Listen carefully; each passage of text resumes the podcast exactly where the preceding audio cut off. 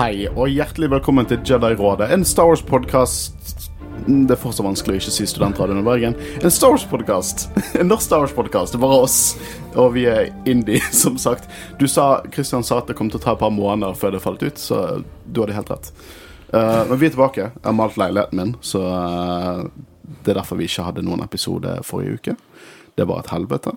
Uh, nå er den malt, men uh, etter det helvete var over, så ble jeg uh, møtt i døren fra Disney Pluss med tre episoder av fersk live action Star Wars i form av Endor, episode 1, 2 og 3. Og det er nettopp det vi skal diskutere her i dag. Mm, endelig en her. Den ble vel annonsert tilbake i 2018 eller noe sånt. Det har vært en lang ventetid. Mm. Mm. Nå glemte du å introdusere oss. Ja, jeg gjorde det. Mitt navn er Håkon Øren. Jeg sitter sammen med Og Kristin Høgen Det er bra at du er her. Men ja, andor, gutter, Så uten at vi på en måte spoiler for mye, hva, hva, hvilke tanker sitter du igjen med? Jeg, jeg syns det var veldig forfriskende og smart av de å gi ut disse tre på én gang. Eh, jeg tror vi hadde fått samme følelsen som med Bobofet, uh, med at eh, å slippe alle de på en gang hadde følt, følt mer riktig. For at jeg føler Mm. vi følger én ark. De tre første episodene henger mye sammen. Det føles som vi ser en film, og jeg syns det var riktig valg å gjøre det. Like lang, leng, like lang, like lang lengde Ja, som en så film. jeg, så jeg, jeg likte at de slapp alle de tre. Det føltes riktig, og det føles som en ark og en god start, egentlig. Veldig forfriskende. Ja, eh, forfriskende. Det er det som er et ord som henger igjen hos meg. Ja, mørkt. Og vi, vi snakker om mørkt. Vi har, vi har hatt mørk, mørke i Star Wars plenty, egentlig. I Mando, første episode av Mando grunnlegger jo at dette er en mer moten Star Wars. Men det er fortsatt en tradisjonell Star Wars. Og når jeg mener tradisjonell Star Wars, så mener jeg i tradisjonell som form av sagafilmene. Ja, det er mindre stakes, det er mer lokalt i Mandalorian, men det er på en måte Vi sier hele tiden at Star Wars eh, Sånn god Star Wars er også cheesy, sant? Sånn, det er cheesiness eh, og fun og eventyr. Det er Star Wars. Men en av grunnene til at jeg liker Star Wars Og det, det, det spørsmålet jeg har stilt meg ofte. Hva, hvorfor er, hva er det med Star Wars som gjør at jeg er så tiltrukket denne, dette universet? Og jeg tror det handler om én verdensutbygging ord. Eh, og at det er en franchise, en sjelden franchise, der man kan formidle alle typer sjangre av storytelling. Og, og det har de gjort mye i bøkene. De har gjort mye i tegneseriene. De har ikke helt gjort det i filmene, nei, seriene og live action fram til nå. Eh, for dette her er Det er mørkt, og det er in the boots, on the ground, the little people. Det er som Det er et thrillerdrama satt i Star Wars-universet. Og jeg elsker at de utforsker det. For det er det som, det er det som det, det, Og jeg, jeg kan påstå at de, de ikke utforsket sjangerbyttingen så effektivt som de har gjort nå. Uh, basert på disse tre episodene. De har ikke utforsket det like mye i Book of Bobafett og Kenobi og Mando, selv om jeg forguder de seriene også. Og det er, en, det er sånn Det er noe nytt, men samtidig føles det kjent ut. Jeg bare syns det er veldig forfriskende. Frisk pust å ha.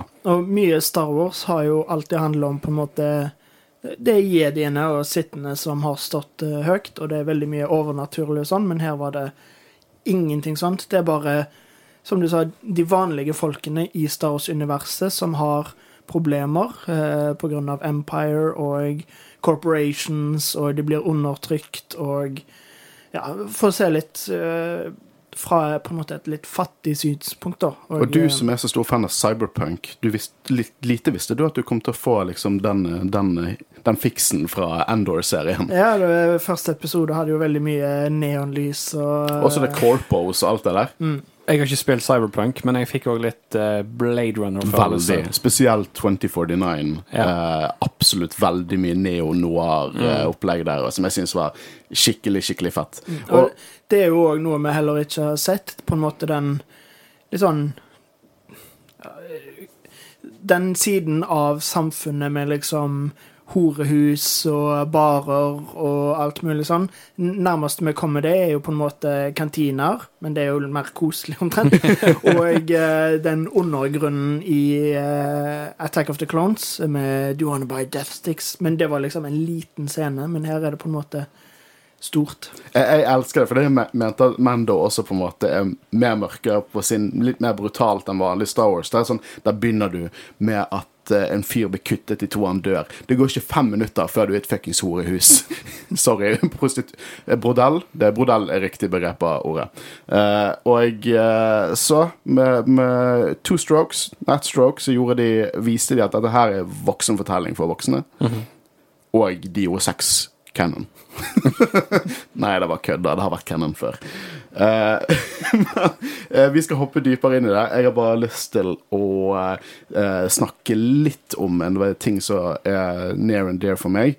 Jeg syns faktisk at det er så dypt og sårt å snakke om at jeg har lyst til at Kristian skal få snakke litt om sosiale medier. Uh, ja. Uh, sorry, nå står det helt stille for meg. Uh, jeg kan ikke huske sist jeg gjorde det. Men vi er veldig takknemlige for alle som følger oss på Facebook, Instagram og Twitter og TikTok. Ja, vi må bli flinkere. Vi må bli flinkere til å nevne TikTok. Eller gjøre ting på TikTok. Ja, Ja. Vi gjorde én Ja. ting som fikk sånn 13 000 views, og så var vi happy med den. Og så gjorde vi ikke mye mer. Nei, men òg og eh, gjerne gi oss en tilbakemelding i uh, form av uh, fem eller seks stjerner. Er det det? Fem, Fem fem, fem, fem, ja. Vi har faktisk gått opp til fem nå, som er Hey, på, nice. på Spotify. Men vet du hva vi mangler, folk der ute? Vi har helt ny feed på, uh, på iTunes, så vi, vi skulle gjerne hatt noen flere anmeldelser der. gjerne fem av fem hvis dere føler vi fortjener det. Uh, Så gi oss en rating hvis du hører oss på, på, på iTunes. Jeg lurer på om du kan rate oss på andre uh, podkastplattformer. Jeg mener også det at nå skal vi være på Google Podcast også. Jeg har i hvert fall lagt ut at vi burde dukke opp der any day now. Uh, men i hvert fall, vi burde bare finne overalt. Uh, hvis du hører på oss, så har du funnet oss. Så jeg vet ikke hva, hvorfor jeg skal snakke om det. Eh, jeg har også lyst å nevne eh, noe ny musikk nå.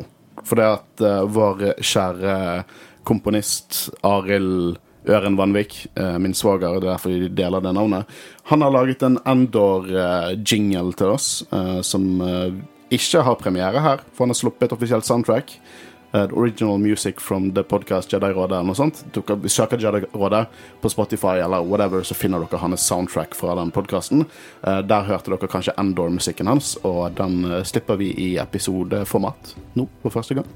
Så eh, den hører dere nå når vi snakker om Endor episode 1, episode 2 og episode 3.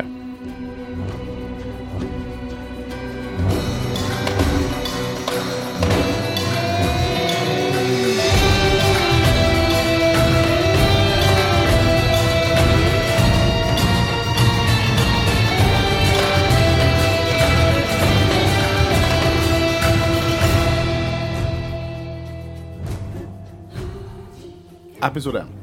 Uh, vi begynner på Morlana 1, uh, og uh, vi er på en måte i et corporate system. Eh, det er noe vi ikke har sett veldig mye av i Star Wars. I hvert fall ikke. Dette her på en måte under Stormtroopers igjen. Under liksom Det er fortsatt keiserlig styre, men det er på en måte the lowest tier.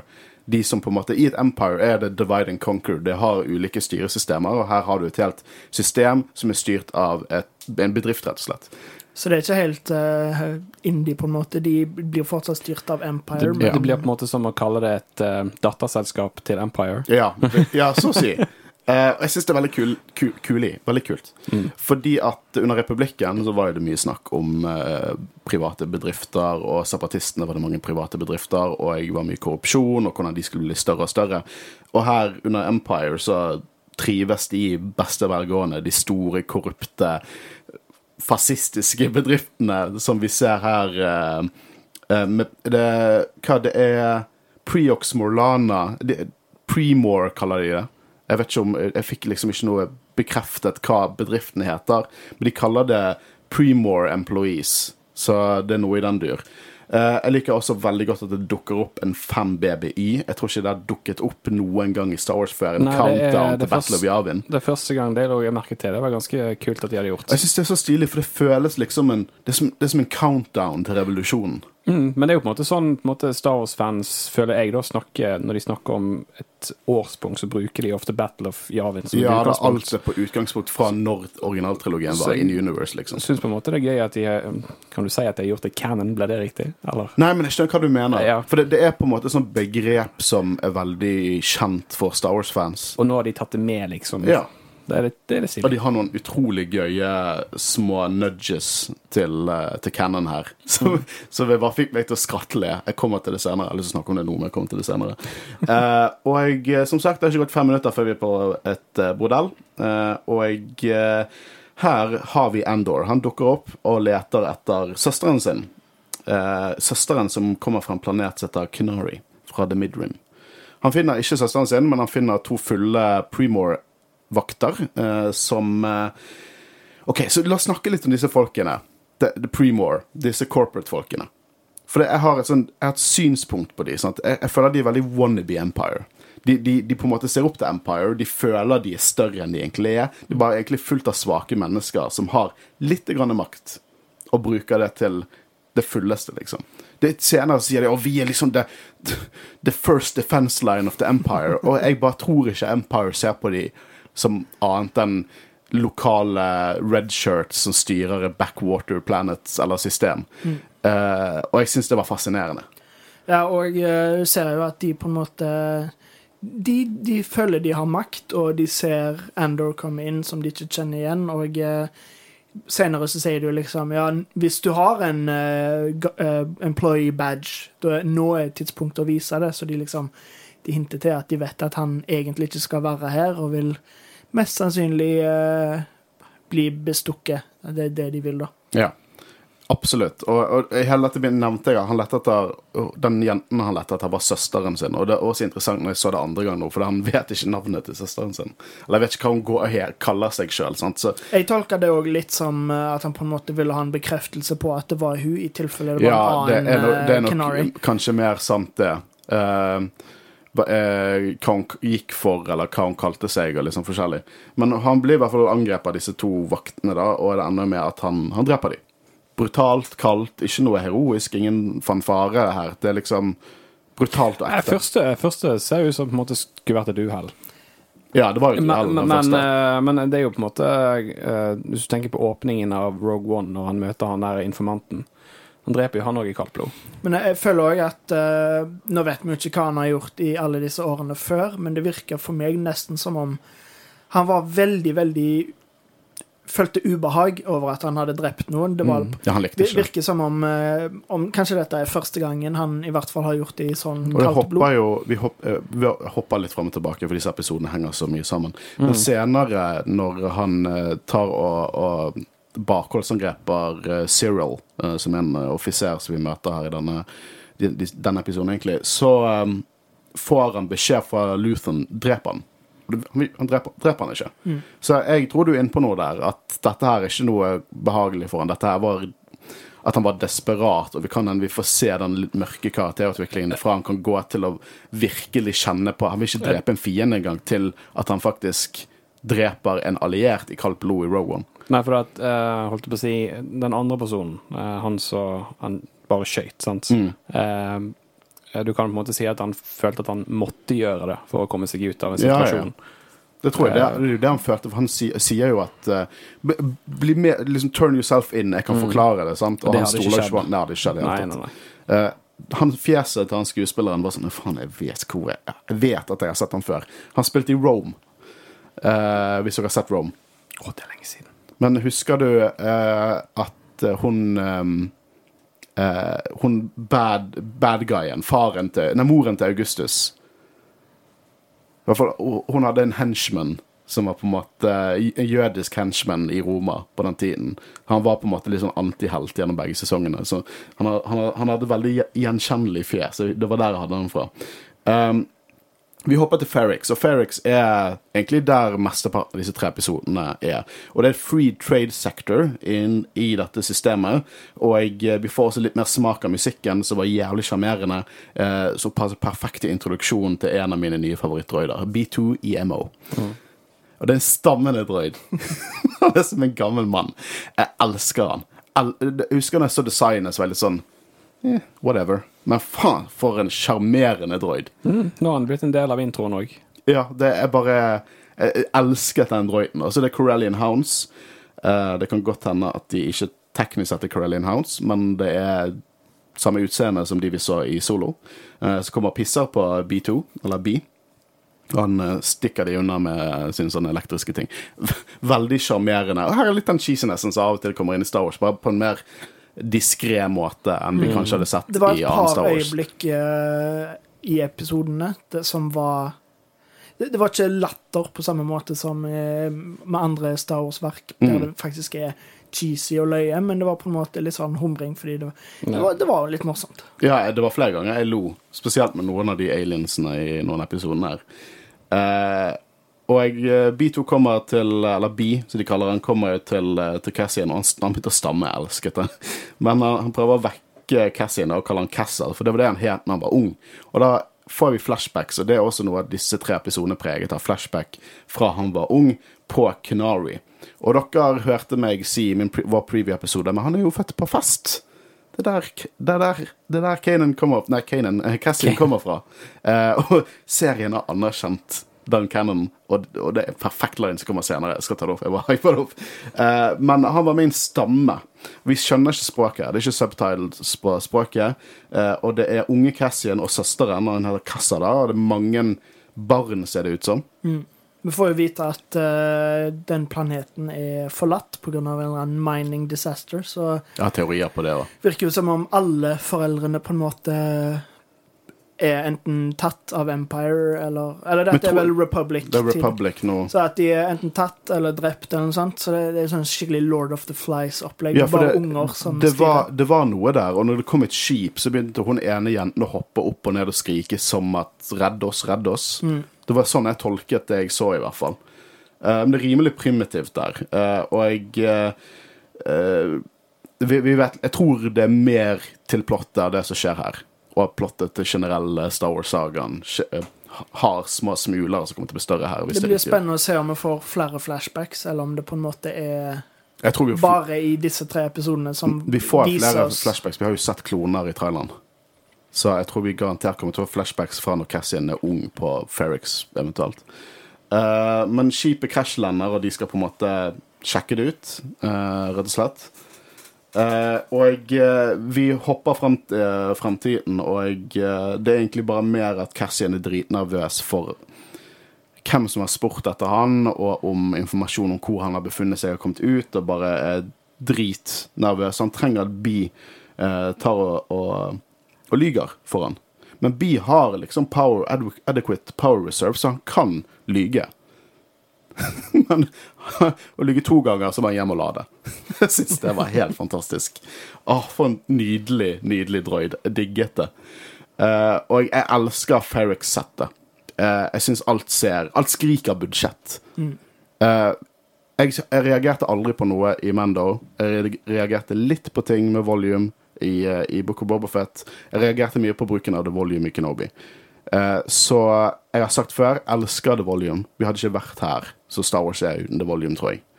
Uh, men det er litt kjekt å bare Du føler deg litt mer til stede nå. Det, det har utrolig høy produksjonsverdi, og det føles mer ut som en film uh, enn de andre seriene, i hvert fall. Ja, absolutt. Det føles som Rogue One. Det er bare stemningen og alt. Det føles ut som Rogue One. Eh, og jeg, eh, jeg syns det er veldig forfriskende. Jeg hater ikke på noen av de andre seriene. Jeg syns alle seriene har sine store ting. Jeg bare Det er kjekt med et friskt pust iblant. Det er da du gjør på en måte universet litt eh, ferskt. Eh, her ble vi introdusert i hvert fall med navn til Marva, som er adoptivmoren. da. Eh, og eh, noen av vennene, sånn som uh, Brasso, som han får hjelp til om å lyge. Jeg, liker skuespillerne. Jeg liker også de mindre rollene de har. For eksempel Brasso. bare... Jeg synes om... Det, Stars Explained sa at dette minnet han litt om The Shire. For det gjør litt det. Det er liksom i begynnelsen av Ringenes herre. For det er litt koselig. Du merker at det er et tett community, og det føles veldig til stede. Sånn som han der eh, hammermannen som virkelig bare digger jobben sin. Eller Time Wrangler, tror jeg er offisielle tittelen hans. Det, bare, det føles, du føler deg veldig til stede, for serien Serien tar seg tid til litt sånn ubetydelige øyeblikk som skaper mye stemning, hvis det gir mening. Jeg syns i hvert fall det var veldig forfriskende. Og så liker jeg jo veldig godt eh, alle skuespillerne, fordi det er ganske mange uh, britiske skuespillere i eh, Star Wars, men som regel er det liksom Empire, og de har sånn pompøs aksent og alt mulig sånn, men her er det Cockney-dialekt og litt sånn mer vanlig britisk, da. Ja, jeg er helt enig. Eh, Det er vel første gang vi har to skotter i, i, i en produksjon her, i hvert fall som snakker. Eh, vi hopper tilbake til Molana One, der vi blir introdusert til to nye karakterer. Deputy Inspector Cyril Karn og Chief Inspector Hein. Og og Cyril Karn tror jeg kommer til å bli en større karakter. Uh, han er litt patetisk. Veldig patetisk. Han er liksom lærerens pet. Det er han, det er han som sier, spør om man kan få ekstra lekser i, i klassen.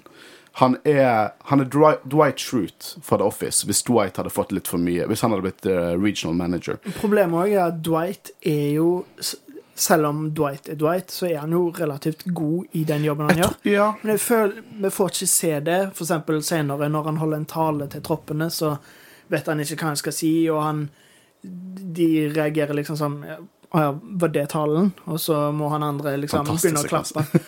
Og eh, han får, virker som han nesten får PTSD i kampen, og liksom vet ikke hva han skal gjøre. Minnet meg litt om han eh, løytnanten i Aliens. Eh, han som på en måte blir nye løytnanten deres, har vært veldig flink på sko skole og sånn, men han har nesten ikke hatt noen combat drops.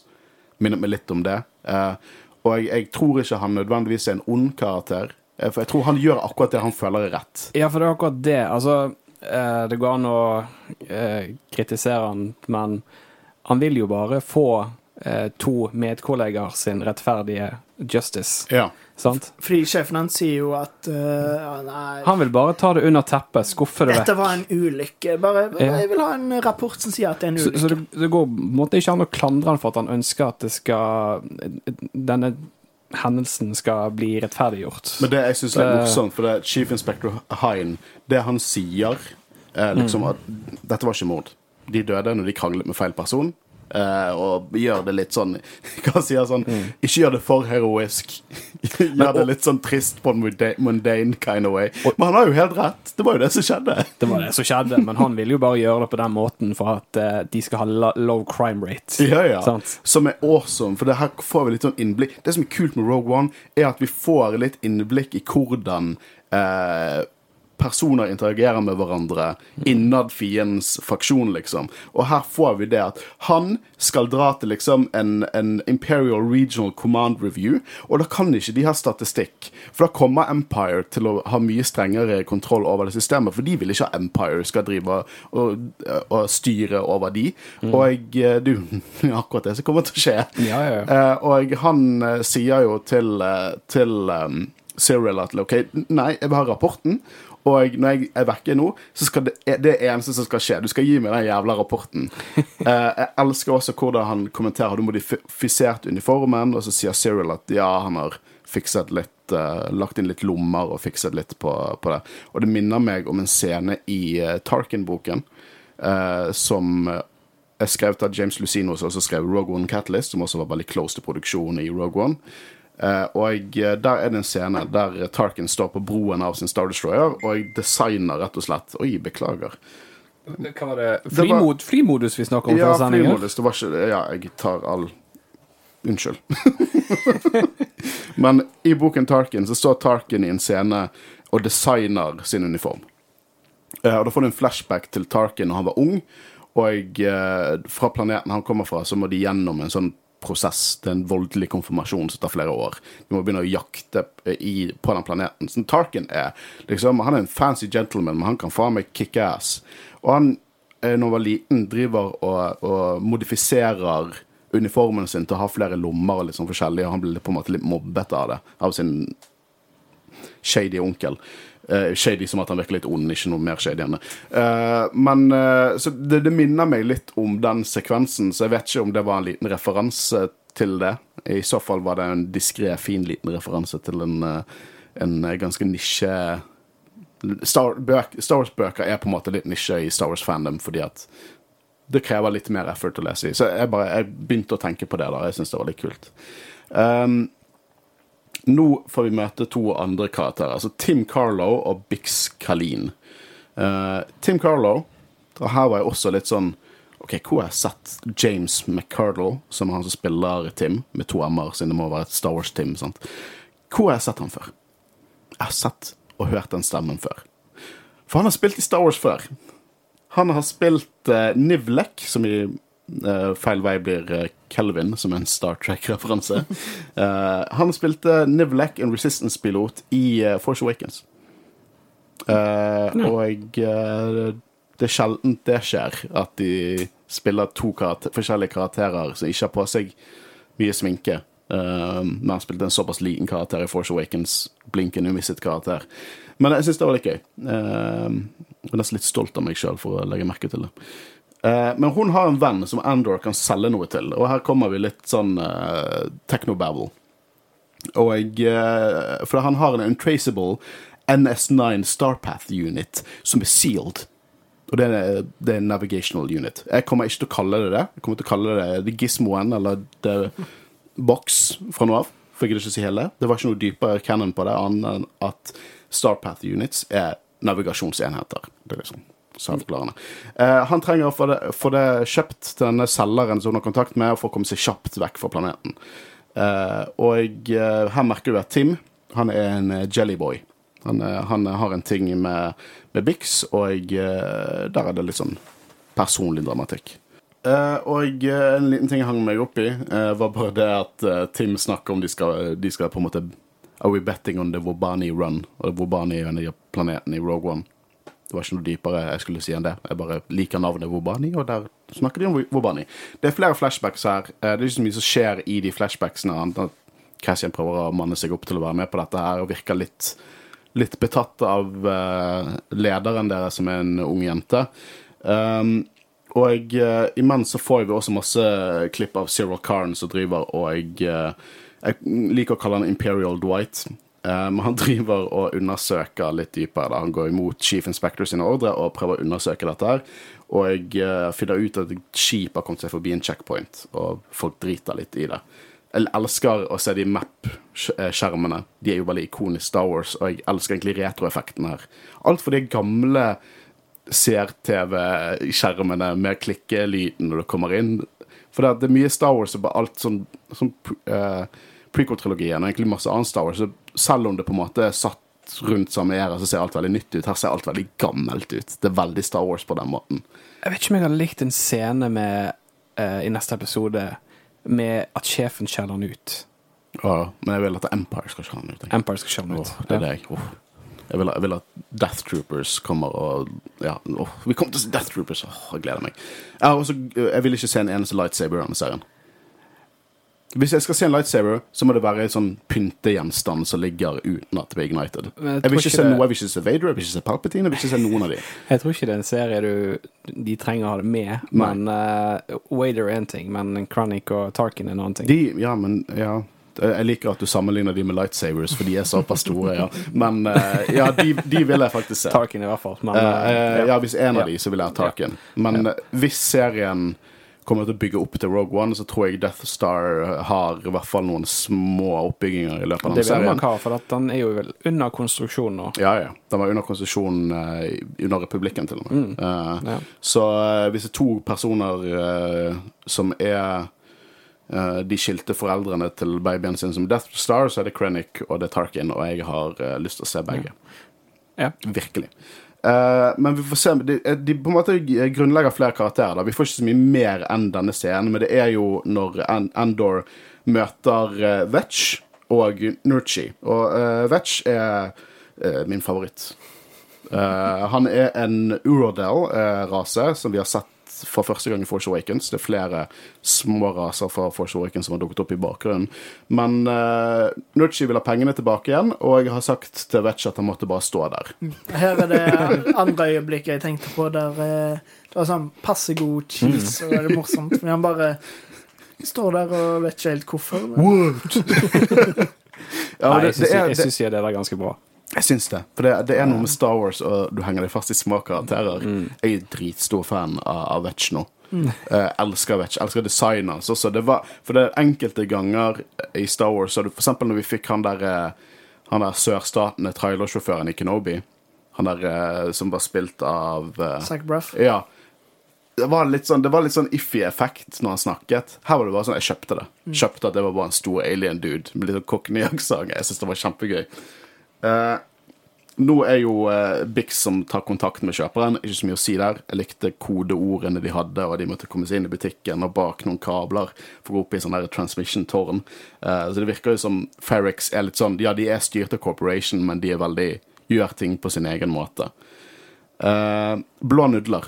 Selvfølgelig er det blå nudler i Star Wars. Mm. Da lo jeg. ja, jeg òg. Det var Det er så typisk Star Wars, og det er en så liten ting, men selvfølgelig blå nudler. De, de detaljene der er kjempegøye. Tror du det er pasta bare med blå saus? Blå melk. Det blir brukt det til å Ja. lage et eller annet. Jeg syns det var kjempegøy. Det ga så mye mening også. Og den stereotypiske eh, liksom sånn takeaway-kopp. Så ser ut som bare jeg kunne vært fra New York, liksom. Det. Og jeg vil ha en sånn The Office-spin-off bare på det kontoret. Og jeg synes det er så gøy, for de sitter der og de bare sånn Å, shit, vi må skjerpe oss, for nå kommer Dwight. Imperial Dwight. Og jeg elsker hvordan han er sånn derre Ingen bryr seg! Det er bare jeg som bryr meg om, om tingene mine. Og de bare sånn Arr. Det er nesten ingenting om, om uh, Kenari, og så sier han ja, ja, men burde ikke det gjøre ting mye enklere for dere da, hvis det er mindre ting å dekke? Altså, jeg, jeg digger å se sånne sekvenser. Ja, ja, du får det jo, fiendene, du får det jo liksom. igjen når han eh, på en måte sier det til han skotten. Hva heter han? Linus motherfucking Mosk Yes. min favorittkarakter. Det er liksom når han på en måte sier uh, eh, at han på en måte er enig i det Dwight Will på en måte Ja, og han og Cyril er sånn Ja! Ja. Akkurat! Akkurat det jeg sa! Sant? Det, den, det, det er detalj. Jeg synes jeg, jeg bare Men jeg kunne hatt så mundane shit som en liksom en middle management imperial dude bare sitter og spiser blå nudler. Sånt synes jeg er fascinerende. For gjør, gjør det Empire mer menneskelig, og da er jeg så jævlig on board med det.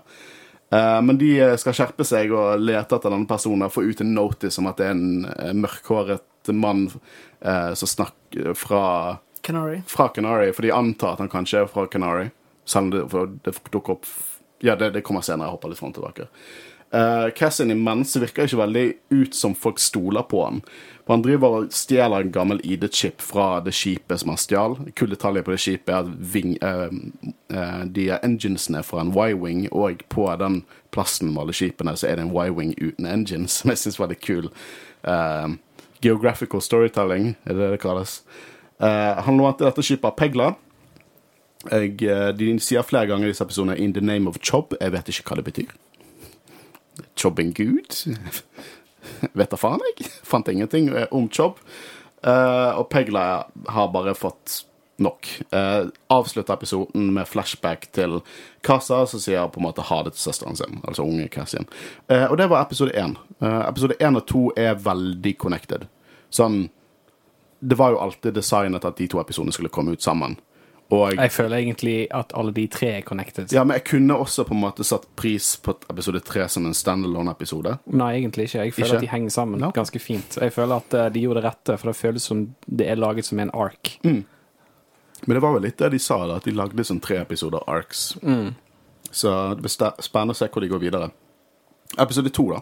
Vi kan jo snakke litt mer om, om synspunkter sånn når vi har blitt, eh, kommet oss gjennom alt dette. Episode to. Kul tittel. Flashback. Her er det juicy, juicy uh, spankulering, spektisering, spekulering uh, fra oss. Fordi at uh, vi ser at Kassa sammen med sin unge Lord of the Flies-gjeng prøver å finne dette skipet, da, og han løper etter.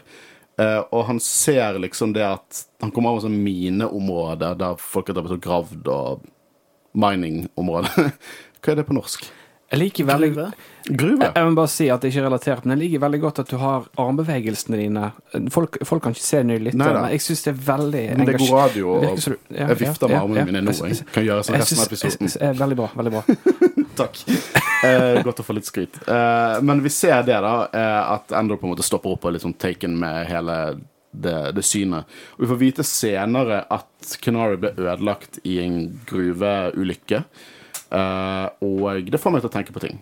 Eh, så under republikken så ble Death Star-prosjektet startet. Og det ble ofte det ble founded av mange private bedrifter.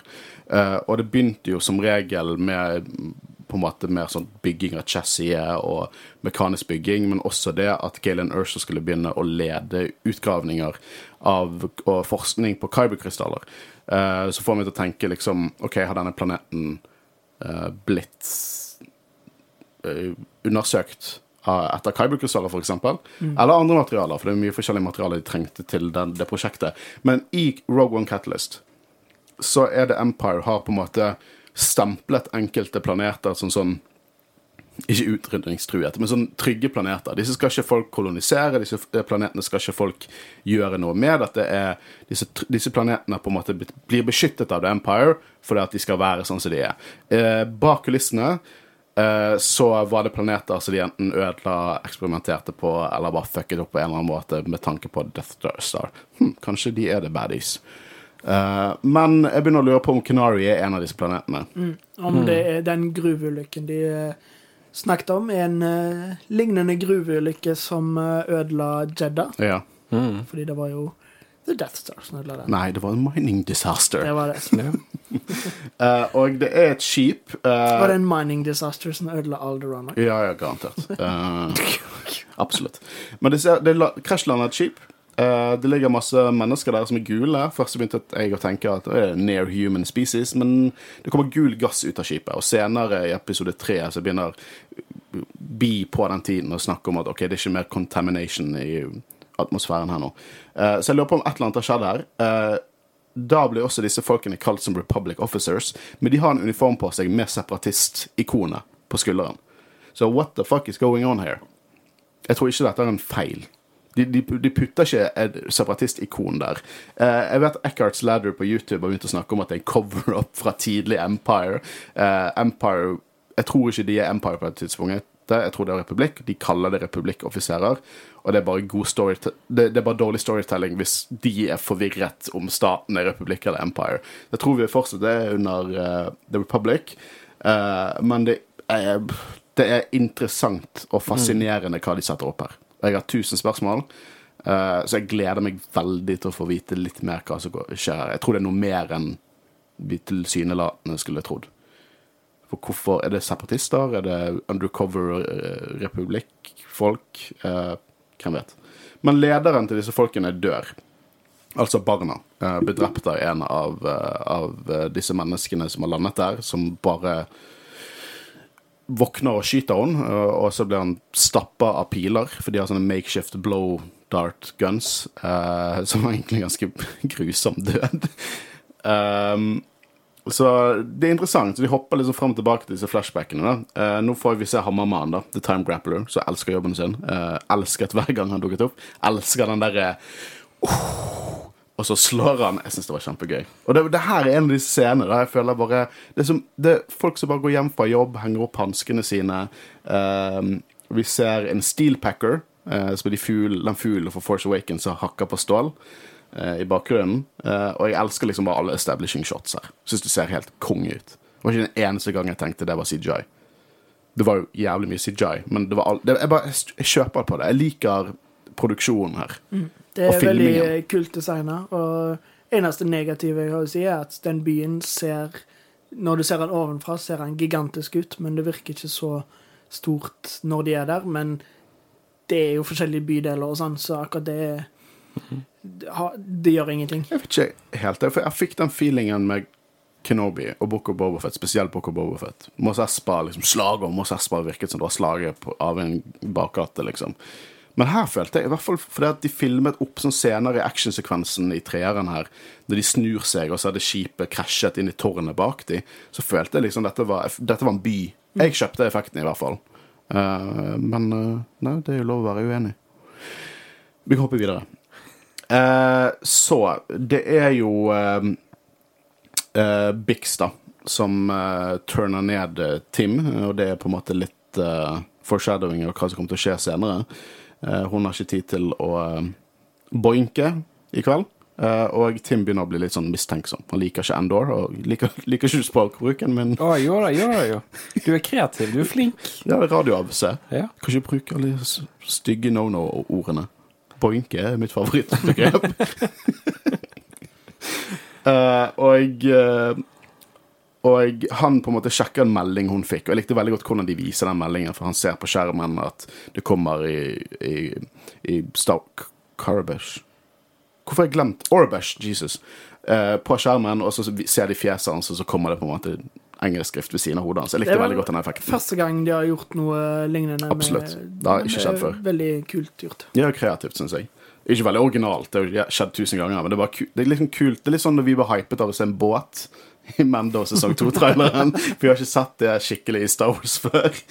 Uh, men han ser det at uh, Premore de leter etter en Canary Male.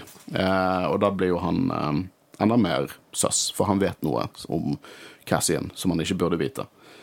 Eh, og eh, nå får vi se at Cassian møter Marvin adoptivmoren uh, i huset hennes for første gang, for vi har på en måte ikke sett Marvin før. Og jeg elsker dialogen her. Det er så Det er så, sånn hvordan de snakker i munnen på hverandre. Og det er bare Det er så mundane. Og det elsker jeg. For de tar seg tid til sånn ubetydelige scener og dialog som jeg bare føler gjør det mye mer ekte mye mer grounded. Det er ikke, det er ikke Star Wars har alltid vært mytologisk og badass og stort, og dette på en måte viser en annen side av Star Wars som jeg syns er veldig kul.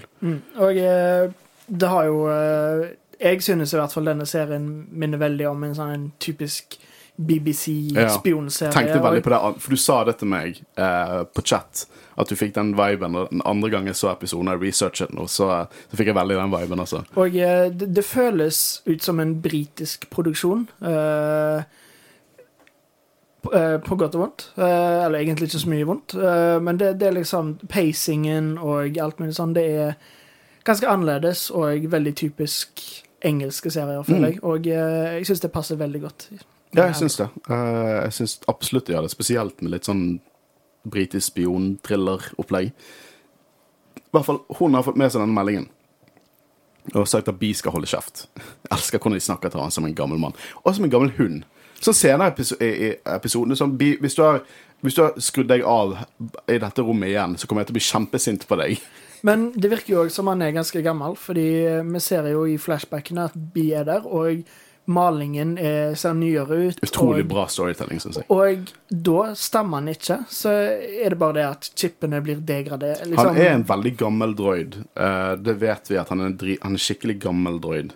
Eh, men han er også en sånn Jeg mener, jeg syns å lese at han var en droid som designet til scavenging. på en måte. Så han er ikke en astromech-droid. Det første jeg tenkte når jeg så han helt i begynnelsen, var når, spesielt når han gikk for å vekke opp uh, Andor. Dette er Wally. Ja, men han har Måten han på en måte bøyer seg litt på, er vel Han emoter så jævlig mye. Uh, og jeg elsker at de tok valget at han faktisk snakker. Det er ikke ofte sånne typer droider snakker, men eh, engelsk altså, så jeg, jeg syns det var et godt valg. Det var litt sånn off-putting, for det var ikke jeg forventet til begynnelsen, men så når han stammer Jeg bare elsker det. Stammende droid. Jeg syns det var kjempegøy. Eh, men hun, eh, Marvin, er veldig irritert eh, på, på Endor, eller forbanna, fordi at Hvordan i helvete vet de at du kommer fra Kunari? For hun har sagt i alle offisielle dokumenter at han er født på fest. Og det er sånn Holy shit, dette er så jævlig kult! For jeg har lest at han er født på fest. For det er hun løy til meg. Hun gikk ut av sitt univers, endret på canon, og nå har de en Dette er en god retcon. Dette, her, dette er sånn retconning, bare awesome. For det, det bryter ikke canon. Han har alltid vært født på fest, fordi vi, vi har blitt manipulert av The Empire. jeg syns det er kjempegøy. Jeg synes det, Å, jeg lo. Jeg syns det var en jævlig fin sånn Vi har full kontroll på Cannon, Denne retconningen kommer dere til å kjøpe. Og jeg kjøper det totalt. Jeg trenger ikke se fest. Ja, dritfett. Dritfett.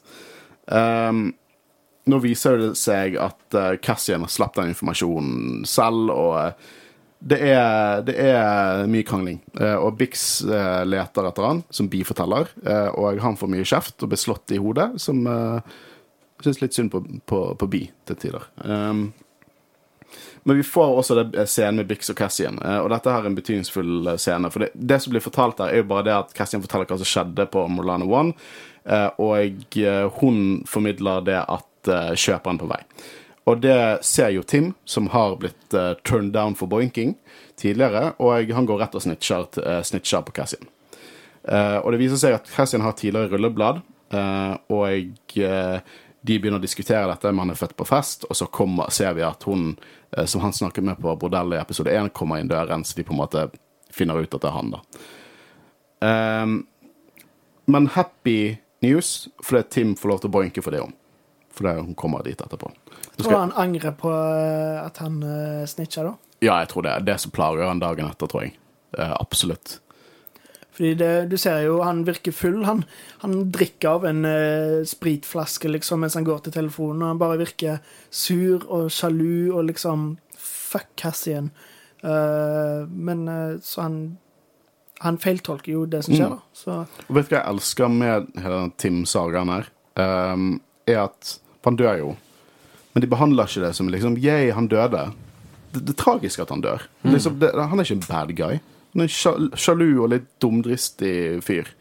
Uh, jeg syns bare det det, det er bare de scenene mellom Bix og Tim Det er bare sånne scener vi aldri har sett i Star, live action Star Wars før. Jeg syns det er utrolig kult å kunne se det. Det er nesten sånn at det føles ikke ut som Star Wars, og det samtidig som det føles litt ut som Star Wars, og det er kind of det som gjør at jeg føler det er veldig forfriskende. jeg har jo sett og eh, tenkte akkurat det samme når jeg så det, at det var nesten sånn jeg glemte ut at det var Star Wars, og ikke bare en helt annen tilfeldig sci-fi-film. Jeg følte Det minnet meg litt om Expanse, faktisk, hvis dere har sett det. Nei, det har Det er. Du har Og- anbefalt en del ganger. Ja, men se The Expanse. Det er så dope. En helt annen type sci-fi enn Star Wars, men det er så jævlig gøy. Eh, og jeg, eh, jeg tror siste sesong har kommet ut nå, så alt ligger der ute. Det er kalde krigen i fremtidens verdensrommet. Det er dritfett. Det er som Game of Thrones og Star Trek hadde et barn. Det er kjempefett. Uh, men vi blir introdusert til verdens beste karakter, Sergeant Linus Mosk, som er superskotte. Han er litt feit. Han er veldig sint, han bruker veldig små hatter. Jeg synes, elsker han. elsker han. Han er yes man til Cyril Carr når vi får den scenen som du snakket om, der han blir jævlig hypet over endelig ha en som er, som er enig med han. Eh, jeg liker også når han sier til, uh, til Cyril også sånn ah, du må du, må, du og Chief Inspector har gjort en fantastisk jobb. Og jeg tror Cyril blir litt nervøs for det. Chief Inspector var ikke enig med hva de skulle gjøre. Eh, og jeg liker veldig godt når han begynner å snakke om sånn Corporate tacti eh, Tactical Forces er Empires first line of defense. Så jeg tror ikke det Empire synes at dere er så store som dere sjøl tror dere er. i det hele tatt, Og jeg gleder meg til å få den scenen når de blir bare satt på plass av en eller annen snobbete, arrogant britisk imperial. Åh, jeg gleder meg. Uh, vi, vi har ikke sett eh, direkte Empire i noen av disse episodene, men de bygger de opp så jævlig at jeg, jeg digger det. Um, og den um, ikoniske setningen om uh, 'There's pockets of fermenting out there, sir'. Uh, den slaktet jeg, men uh, fermenting det var et ord vi lærte. Diskuterte det før innspilling. Glemt betydningen allerede. Ja, det er bare instigation of Ja, rebellion. ja, altså at det, at det bygger seg opp og Ja, for jeg tror det var fermenting. Og det har jeg aldri hørt det brukt i den liksom fermenting som ja, gjødsel. og jeg tenkte ja, det gir mening. Voksing og ting sånt. Planter vokser, rebellion vokser. Men uh, fermenting, ja. Eh, det er uh, ord nummer to jeg har lært av Star Wars. Det første var menagerie. Det, nå er det fermenting. Eh, så nå tar jo og Cassian eh, henter sin eh, I notatene mine står det Jiggybox, som jeg tror jeg mente den Path-tingen. Og en Briar Pistol. Og Briar Pistol det er pistolen Cassian bruker her. Og den det, Dette er kult. For dette er et jævlig ikonisk skytevåpen som først dukket opp i Dark Forces-spillet. Og i Jedi Outcast og Jedi Knight-spillet. Det er superikonisk. Kyle Katarn sitt favorittvåpen. Og det er dritfett at det dukker opp her. Det er til og med flere moduser. Eh, Du ser at den flipper til tider. Eh, Og i spillet kunne du skyte normale shots, og så kunne du lade opp til et stort shot. Så jeg tror det er en liten referanse til at du kunne gjøre det i spillet. Jeg synes det var en fin liten referanse. Eh, Og det kommer en mann som, som drar mot Ferrix, da. Og det er jo Scarren Scarren? Stellan. Stellan, Skarsgård, sin karakter, altså Luthien Rail. Eh, og jeg, han har litt uh, mumbo jumble-dialog her som jeg føler fikser uh, quote unquote plot holes.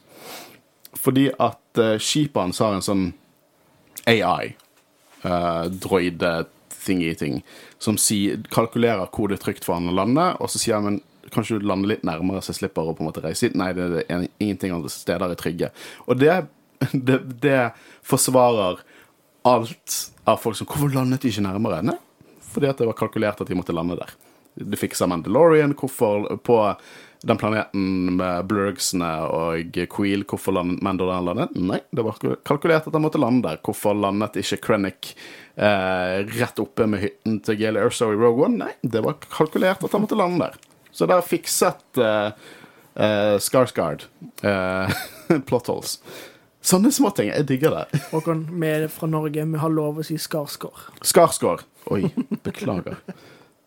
Det er så løye med sånne eh, norske og svenske skuespillere i England. Sånn Skarsgård. Mjolnir har jo blitt veldig De er sikkert sjalu på oss for at vi klarer å si Mjølnir. Eh, men vi får også eh, en annen liten referanse. Dette syns jeg er kjempegøy. Eh, jeg hørte mye på New Cannon Book Club. Eh, de sluttet å produsere, eh, men de begynte også å hate Star Wars, så det var ikke så gøy å høre på de lenger. Men en ting de irriterte Han ene der irriterte seg jævlig over, eh, var et konsept som dukket opp i jeg lurer på om det var Aftermath-trilogien, men det var hele dette konseptet Nei, det var en av de første Cannon-bøkene, tror jeg. Og for da introduserte de dette konseptet med, med Star Wars-kaffe, som heter Cath. Og han hatet det. Han sa liksom det, det var som at liksom OK, poteter er en del av Star Wars, og det heter pote. Han hatet det, og jeg elsker at eh, Bix våkner hos Tim og bare 'Å, please si at du har noe caff. Så går han og henter noe caff. Og det er bare Star Wars-kaffe. Det har Jeg tror det har blitt vist i Last Jedi, men de har, blitt, de har aldri sagt ordene. Eh, så det er Star Wars-kaffe, som heter caff. Som er passe Star Wars-cheesy. Eh, og de snakker om det som det, som det er kaffe. Eh, og eh, hva mer her, da? Nå er jo det det at eh, denne episoden begynner å avsluttes. Da falt jeg helt ut her. Ja. Eh, nå eh, tar vi får litt mer flashbacks, fra Marvin på en måte Cassian drar, Bee er lei seg for at han ikke kan være med, eller vil ikke at Cassian skal dra, og han må komme seg tilbake til Marvin, og da driver hun og ser på Leter etter Bee da, og ser på den gamle blow dart-gunnen til Cassian, og vi får et flashback der Cassian alene går inn i dette skipet. De alle andre har løpt vekk med hun som blitt drept, og så går han alene inn i dette krasjede skipet. Uh, og vi får noe, også noe perfekt Star Wars-humor, for vi møter San One. San One, og han har en liten buddy som heter Granic, som bare lager sånne jipp, jipp, jipp-lyder. Og de har en intens krangel. Bare sånn 'Would you let it go?' Og det er awesome, for det, det er så jævla komisk alien med så komisk stemme. Og her har han, men fyren bare en helt alvorlig dialog med han. Som er dritforbanna. Og det er sånn, sånne ting jeg liker med Star Wars. Det er som når han solo kjefter på den der ene droiden de skal fikse Millennium Falcon i Empire Shacks Back. Det bare trekker meg rett inn i universet.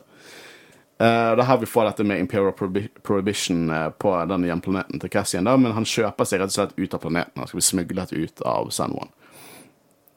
Eh, nå får vi den scenen vi snakket om tidligere, eh, om den dårlige talen til, eh, til uh, Cyril, eh, og eh, hvordan Musk prøver å redde det og sier at det var inspirerende tale. Det er så ubehagelig scene, men sier, sier jo tusen ord om, om Cyril som karakter. Jeg, jeg føler på en måte at han virker ganske ubrukelig, og jeg snakket med deg, Håkon, om at jeg, jeg fikk viben av at eneste grunn til at han har jobben, er fordi han er sønnen til en eller annen viktig fyr. Han, han vet egentlig ikke hva han gjør, men han vil bevise at han kan gjøre det likevel. Men eh, så jeg er spent å se om uh, vi får vite litt om, mer om han senere. Og, Jeg tenker jo mer enn å bare bevise uh, at han er noe, er at han, han vil gjøre det rette, men han er redd for å gjøre det. Ja. For jeg tror han tror han Jeg jeg tror han føler at han er liksom på lov og orden sin side. Han, er, han er ikke en ond person i det hele tatt, tror jeg. Nei. Men jeg er litt usikker på det sønnen noe viktig. Fordi at Nå kan det hende at jeg bare lager headcanon, men jeg føler ikke det Empire har mye respekt for Premore Corporation. Jeg føler ikke de bryr seg så mye. Liksom, tenk deg hvor mye Empire bryr seg om Stormtroopers. Jeg tror ikke de hadde en form av respekt der at uh, hvis noen hadde spurt noen høyt oppe i The Empire, så hadde de sagt Who? Sant? Den duren. De kommer til å garantert si det, liksom backwater shithole planet, liksom. Det, de, eh, jeg tror ikke de bryr seg mye. Men jeg er veldig fascinert over han. Det er sjeldent vi får det, det er jo liksom sånn Vi har aldri fått uh, så mye backstory og innsikt i en sånn underoffiser hos The Bad Guys i Star Wars før. Og uh, i trailerne, måten liksom han sprang på, måten han Måten han ble vist i trailerne, så så jeg for meg en sånn skikkelig skikkelig proff, nesten sånn ond Captain America Ja, ja. liksom sånn.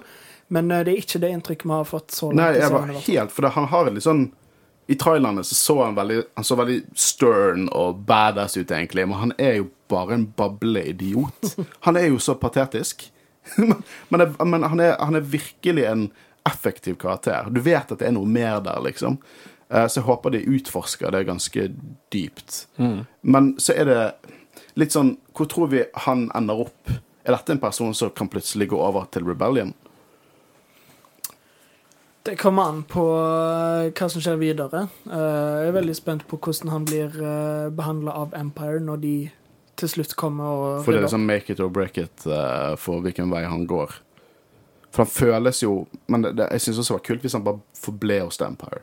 At vi har en good guy som bare er hjernevasket og tror det han gjør, er bra. Gjør jo bare at hele konflikten i Star Wars blir mer interessant av en effekt. Ikke mesteparten av The Empire der, da? Alle er good guys, bortsett fra Palpatine. Og Vader har sine grunner. Eh, jeg likte veldig godt Imos sin tale. Liksom sånn, åh, Noen av, de, eh, av innbyggerne kommer sikkert til å være litt misfornøyd, men dere, dere minner de på om at eh, de kan levere en offisiell klage på en månedlig forum. liksom. Jeg syns det var kjempegøy. Um, og da ser vi det at Lusen er i en kollektiv transport, eh, og møter denne fyren som ser ut som han har en Fedora. Ser ut som traveling salesman. Han har to sånne kofferter med seg. altså. Eh, og eh, det avsluttes også med at Andor liksom uh, jogger gjennom The Salvage Yard og er bestemt, og musikken kicker inn. Og da hopper vi ned episode tre. If you two don't mind.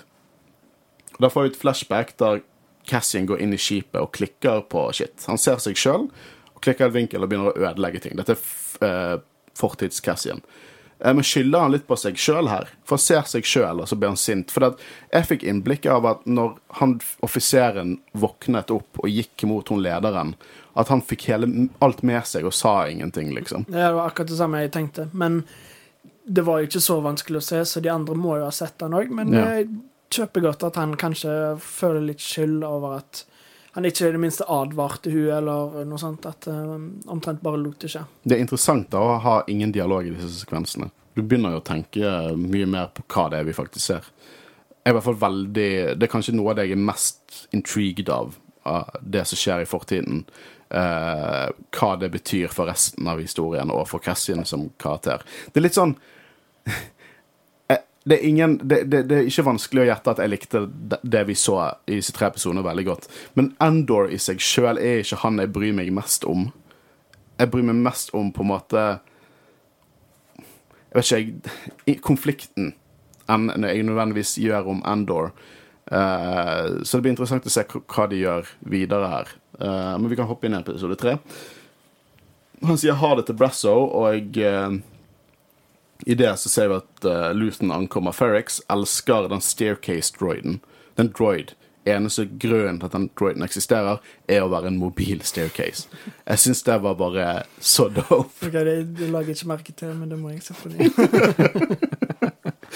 Og eh, det er virkelig ikke første gang Luton gjør dette her. For det Bix dukker opp, måten han roer henne ned mens han bare går rett fram. Eh, så han blir jo helt klart en type mentor til Endor, vil jeg gjette. Senere i episoden så begynner han sånn helt diskré sånn OK, regel nummer én Alltid ha kontroll over veien inn, alltid en vei ut. Det, jeg tror han absolutt blir en spy master for Cassian, og eh, det virker som han har gjort dette en stund. Sånn tolket jeg det i hvert fall. Men faen, eh, Star Wars fortjener en skuespiller med så mye gravitas som eh, Stellan Skarsgård. Eh, jeg syns det. Eh, absolutt. Han spiller veldig bra. Og han har full kontroll på at folk er ute etter Cassian, og det bekymrer han ikke in the slightest, virker det som. Og de der launchipsene til eh, Premore, se så søte de er. De er litt sånn chubby med bitte små vinger. Og jeg vedder på at når de står der inne, så later de litt som de er Stormtroopers. de er så søte. Eh, og jeg, nå får vi på en måte se gamle, gamle Bi, og så flasher de tilbake til det vi snakket om da, med, med nyere Bi. Og det er sånn visual storytelling som bare er kjempekul. Du bare vet med en gang at dette er fortiden. Uh, og det er her vi får se uh, adoptivforeldrene til Endor. da. Vi har jo sett Marvin, men vi får også se Clem Endor. Uh, som eh, vi får vite senere ble hengt. Så jeg tror vi kommer til å få se hele den prosessen skje i flashbacks i fremtidige episoder. Vi ser jo i, i, traileren at det er en fyr som går mot Clone Troopers. Eh, så kanskje det er han. Eh, Kanskje dette skjer veldig tidlig i Empire. Hvem vet? Jeg gleder meg i hvert fall til å se Shinies i live action igjen.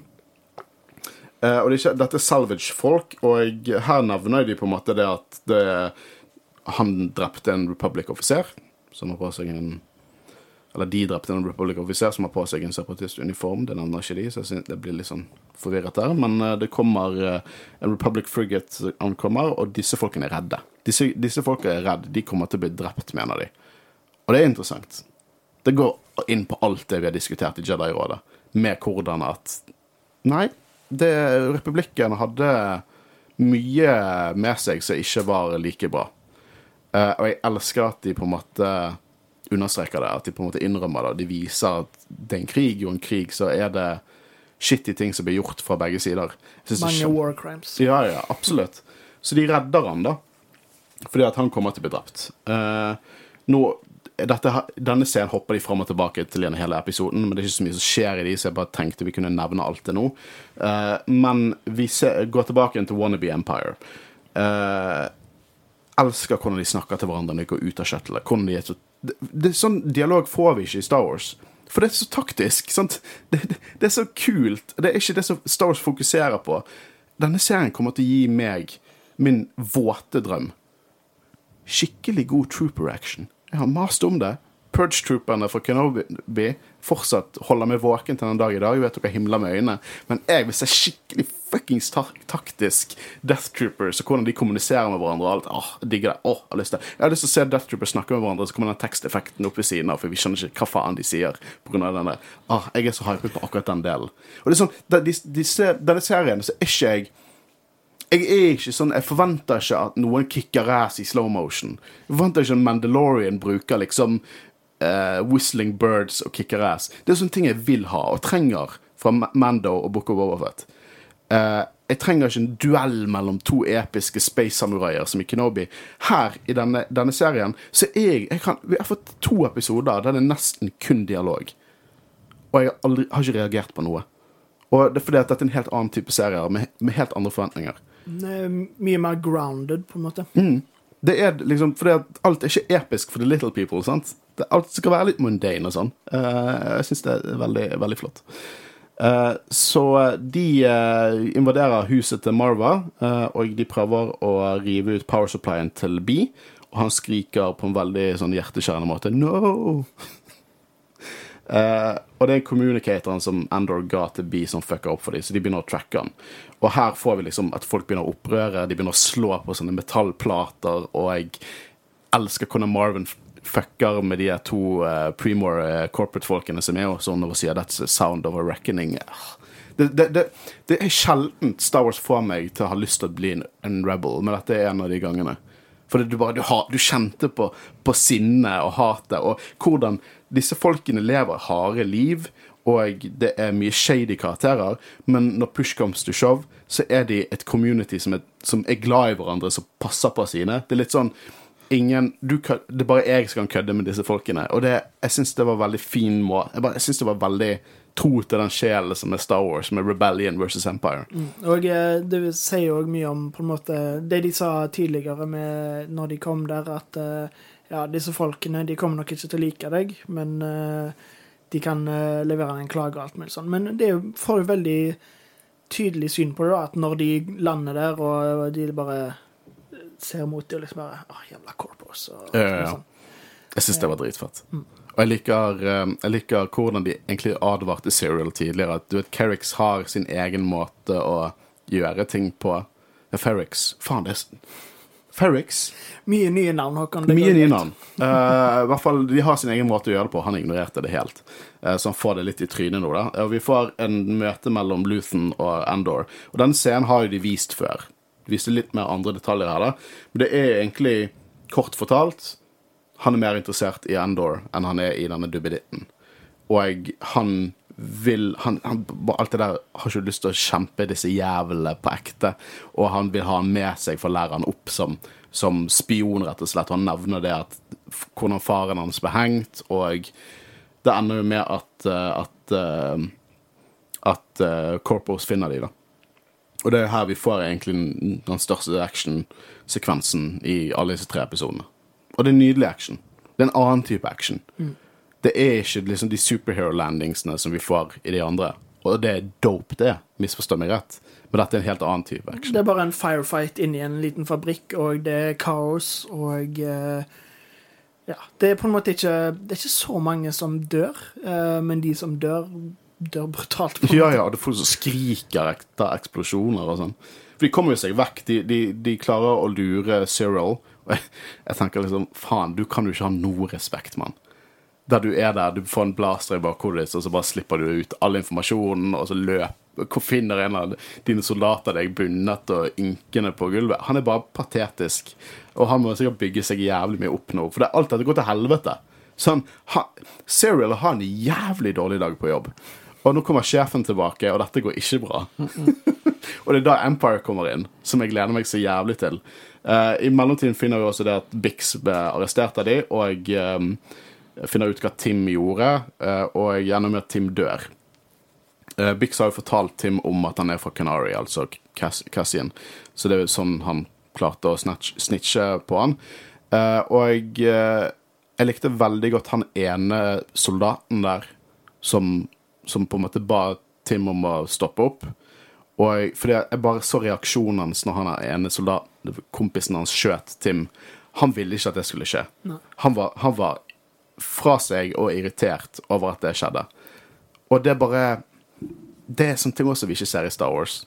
Og det er kult å se det. Jeg vil ha sympati for fiendene. Jeg vil føle at noen av disse fiendene som ikke liksom er Palpatine, er faktisk bare mennesker som gjør det de tror er best. Det er noe helt annet enn eh, Stormtrooper og alt mulig sånn. Um, og uh, han, han gjør en feil. Han uh, skyter en uh, uskyldig person.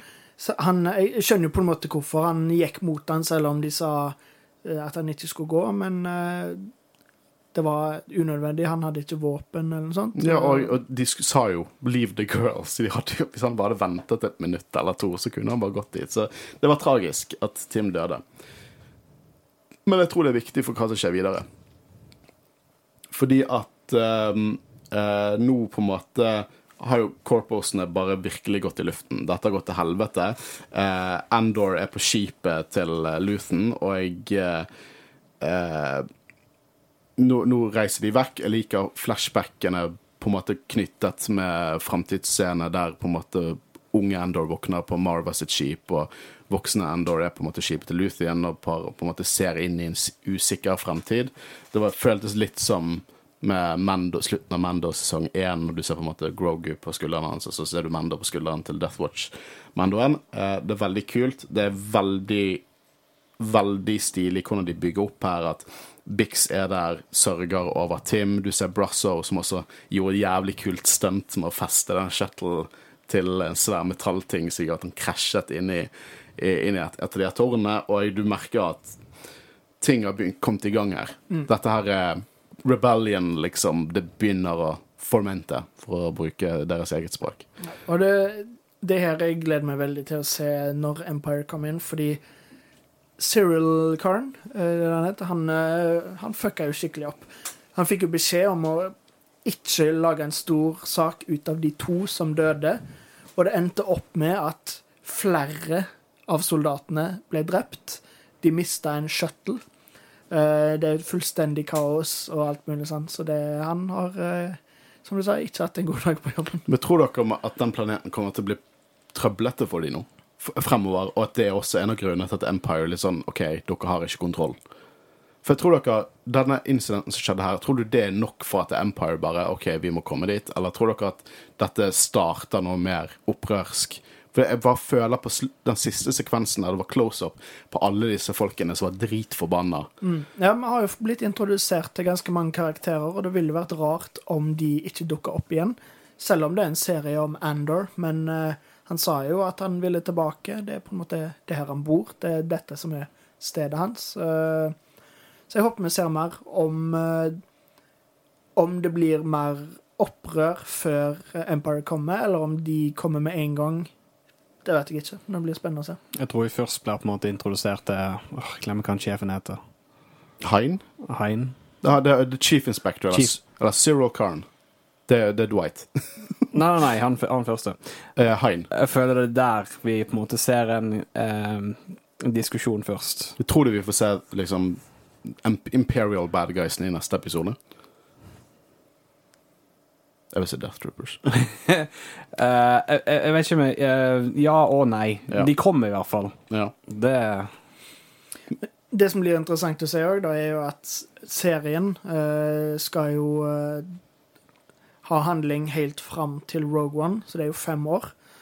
Eh, så blir Lagt ut over to sesonger, vel å merke. Ja. Ja, eh, og det er vel Det er mer time jump i sesong to, hvis jeg forsto det riktig. ja, Ja, det stemmer nok. Ja. Men det blir interessant å se hvor stor denne historien i sesong én blir. Om Mm. det på en måte er hovedsakelig denne konflikten med Ferrix og alle de, og om eh, Rebellion, om det på en måte blir mer i sesong to. Eller om de eh, Ja, for det er jo litt typisk Star Wars at første sesong er litt mer lokal, litt mindre scale, og så blåser det seg opp på, på sesong to. Men det er litt annerledes her, for dette, det, liksom Disney har virkelig gam, nei, ikke gamblet, de har bare pushet budsjettet her.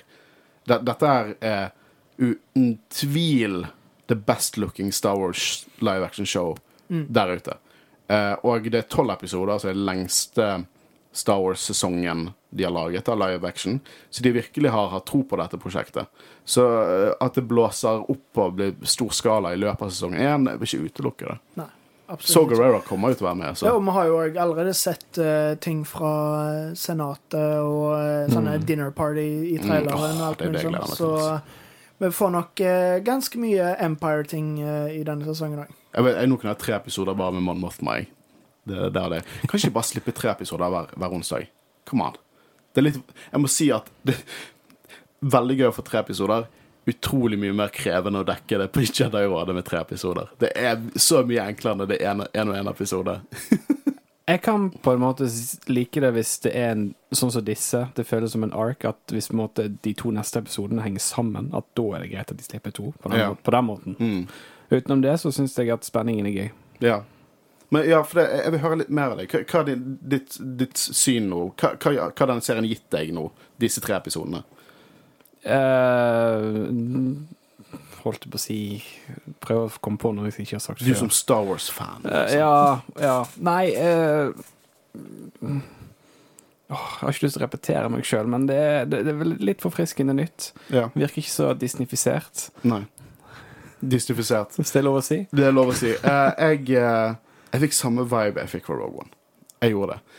Eh, og spesielt, jeg syns det var helt konge å se det første gang, men andre gang var det bare eh, Det oste så mye inn andre gang jeg så det. Det var alle disse små detaljene, og det er mye tregere pacet. Det den, den tar sin tid med å fortelle. Det, det, det er en ganske treg pacing her. Og det, Ikke misforstå det med, med dårlig pacing. Det er en annen ting. Det er en treg pacing, det er en slow build-up, eh, og jeg, eh, det ga meg noe helt annet enn tre episoder av Mandalorian hadde gitt meg. Og ikke på sånn at tre episoder av Mandalorian er dårlig, for jeg er litt sånn Jeg himler med øynene når jeg ser YouTube-videoer bare sånn Å, Andor er beste. Tre episoder sluppet. Det, det er jævlig liten andel av hele sesongen. Du kan ikke si at det er det beste ever, men jeg bare sier at det var et friskt pust, og jeg, eh, spesielt når vi har fått tre serier som har vært ganske lignende i tone som de tre, de, de tre eh, seriene vi har fått før dette, har vært veldig Filoni. På godt og vondt. Dette føles Tony Gilroy. Ja, litt som du sier, det er vanskelig å si noe om det så langt etter bare tre episoder. Og eh, jeg, må jo si at det jeg har likt best så langt av eh, Disney pluss eh, Star Wars, er jo Mandalorian. Ja, det er utrolig høy kvalitet på det, og det føles det føles Star Wars, og det er god Star Wars. Um, men så langt så må jeg si at dette er det best produserte showet, i Mm. hvert fall. Måten det er pro- lagt på, filma på og alt mulig sånn. Um, for eksempel Obi-Wan Kenobi. Vi klagde jo en del over det måten det var lagt på, at Ja. filmatisk så var det ganske dårlig, men det var veldig god Star Wars.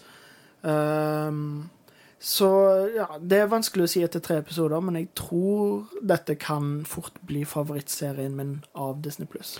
Eh, hvem skulle tro at man klarte å ha intens action uten å ha et epileptisk anfall med kamera?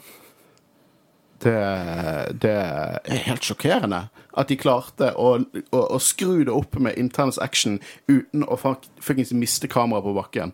Seriøst. Shaky camen til, på Deborah Chow sin produksjon. Må ikke du glemme at det er to forskjellige som har på en måte skapt denne serien. på en måte da Jeg vet det, Ja. jeg vet det, men jeg bare sier at Deborah Chow, shaky cam, det døde i 2007. Det er som Taken 3, eller whatever. Ingen vil ha shaky cam lenger. Og en annen ting, jeg så ringer serietrilogien på nytt igjen i helgen. Det er en ganske drøy påstand å si ingen. Ok, du likte det, beklager. Nei, jeg ikke si jeg likte Nei, det. Jeg har ikke like mye problemer Nei, med nei, det. Nei, du, du, har, Men, he- du har helt rett. Du har helt rett. Jeg skal ikke, jeg skal ikke snakke for alle. Jeg bare kan ikke fordra det. Nei, jeg har forstått det. Men en annen ting som jeg virkelig ikke kan fordra, og det reagerte jeg på i Kenobi, jeg reagerte på det i eh, House of Dragon Realistisk, quote unquote, nattscener. Det vil jeg virkelig ikke se.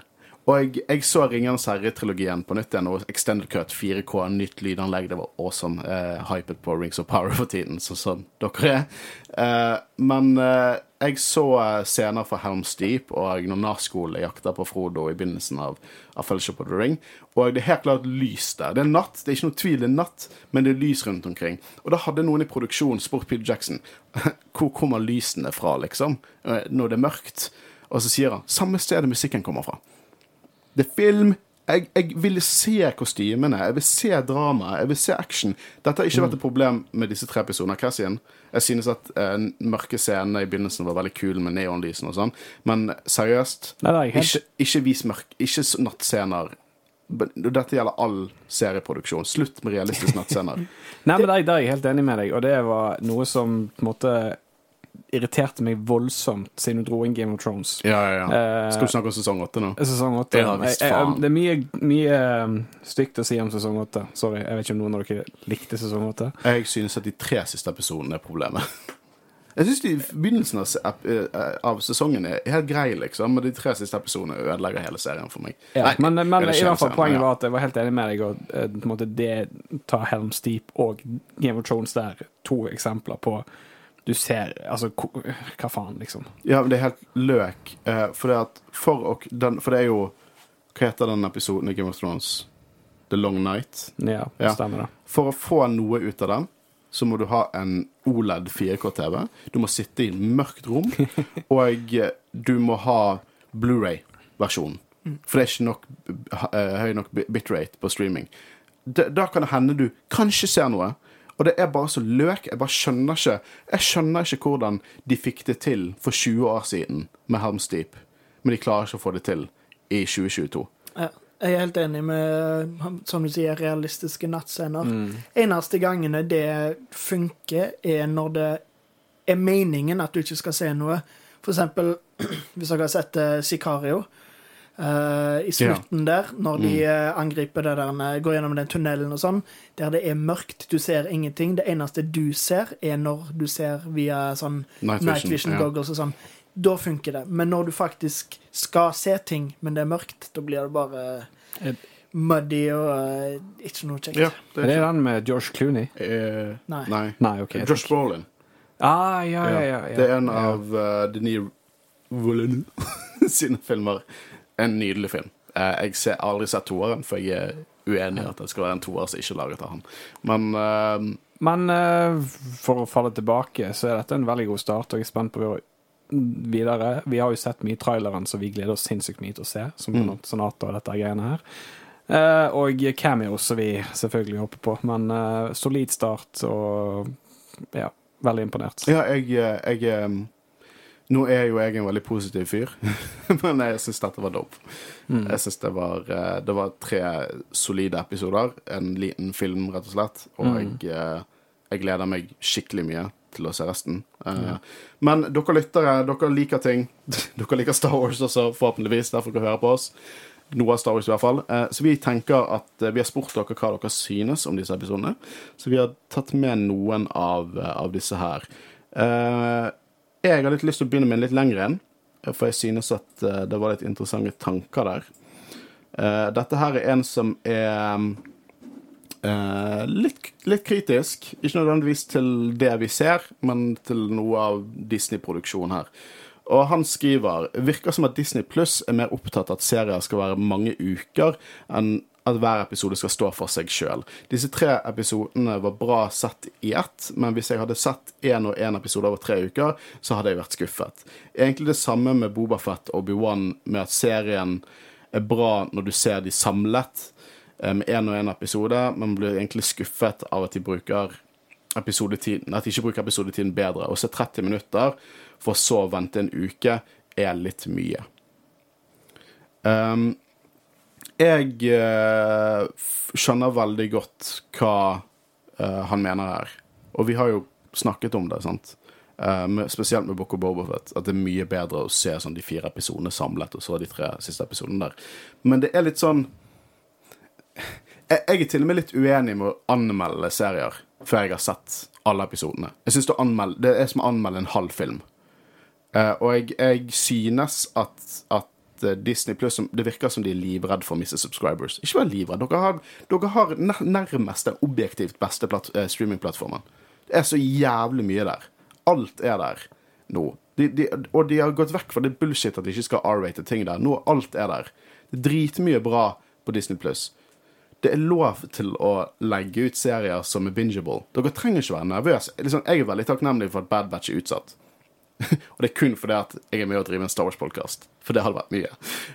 Men jeg tror de utsetter den fordi de er redd for å ha for mye Star Wars samlet på en gang. Hvorfor det? Hvorfor er dere redd for det? Seriøst, folk de at Hvis det kommer ut en serie det, det er ikke sånn Hvis det kommer ut en serie, og så går det en måned, så kommer det ut en serie til Det er ikke sånn at folk bare unsubber i mellomtiden. Det, det, ikke vær så jævlig redd for det. Dere er største bedriften ever. Jeg synes at de burde tørre å slippe mer og mer om gangen. Eh, for oss, produksjonsstandpunkt, veldig enkelt at de slipper en episode. Men jeg skjønner hva han mener her. Men også en annen ting er at denne binge-kulturen som vi er i nå, jeg føler ofte at det, det er viktigere for meg at alt er, alt er bra hengende sammen, enn at hver episode skal være en standalone god episode. Vi kommer ikke til å få standalone gode episoder, eh, mange, kjempemange av de i Endor, tror jeg, For dette det er en serie. Og det er, det, er en, det er ikke som Mandalorian. Jeg tror at du ikke reagerte på Mandalorian, for Mandalorian er veldig episodisk.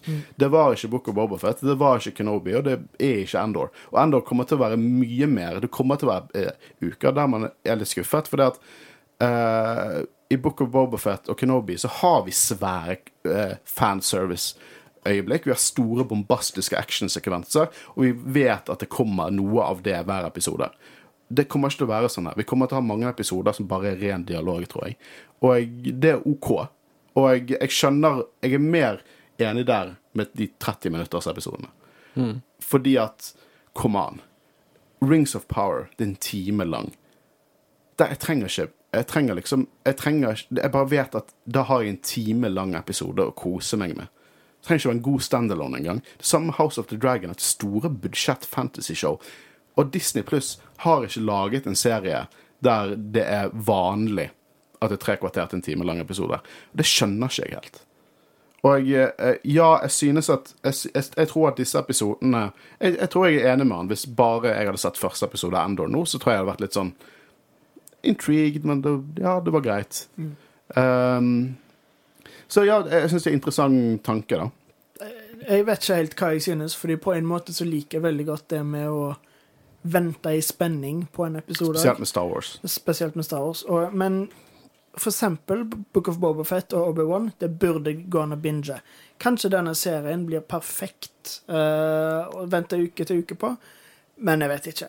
Uh, men samtidig òg, som du nevner House of the Dragon og sånn, det er jo foretrekker jeg å se én episode i uken, fordi det, da tenker jeg liksom på å, hva kommer til å skje videre og sånn. Mm. Det er noen serier som eh, ikke takler å være bingeable på samme måte som med Netflix-formelen og sånn, da.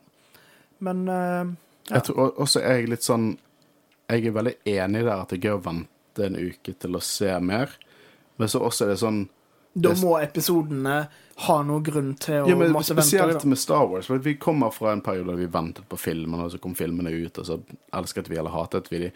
Og nå er det litt sånn vent, Det er nesten litt den følelsen av å vente på Star Wars bare konsentrert gjennom en uke. Og hvis det kommer noe du ikke føler var veldig forfilling den uken, du må vente en uke til for å se det som eventuelt konkluderer det. Jeg, jeg, tror, det, det, jeg tror dette med live action Star Wars først er veldig nytt for veldig mange. I hvert fall for meg. Uh, vi har gått et par år nå med det, men det, det, skjønner, Snakker jeg bare tull nå, eller skjønner dere litt hvor jeg går hen? Nei, jeg er veldig klar på at jeg ønsker en hver uken-episode. Ja. Men uh, sånn som dette syns jeg fungerer greit hvis de har en sammenheng, sånn som dette. Mm. Men uh, det er jo flere lyttere som har flere tanker, og jeg syns Christian du skal få lov til å dele litt av dine. Ja. Dine lyttere.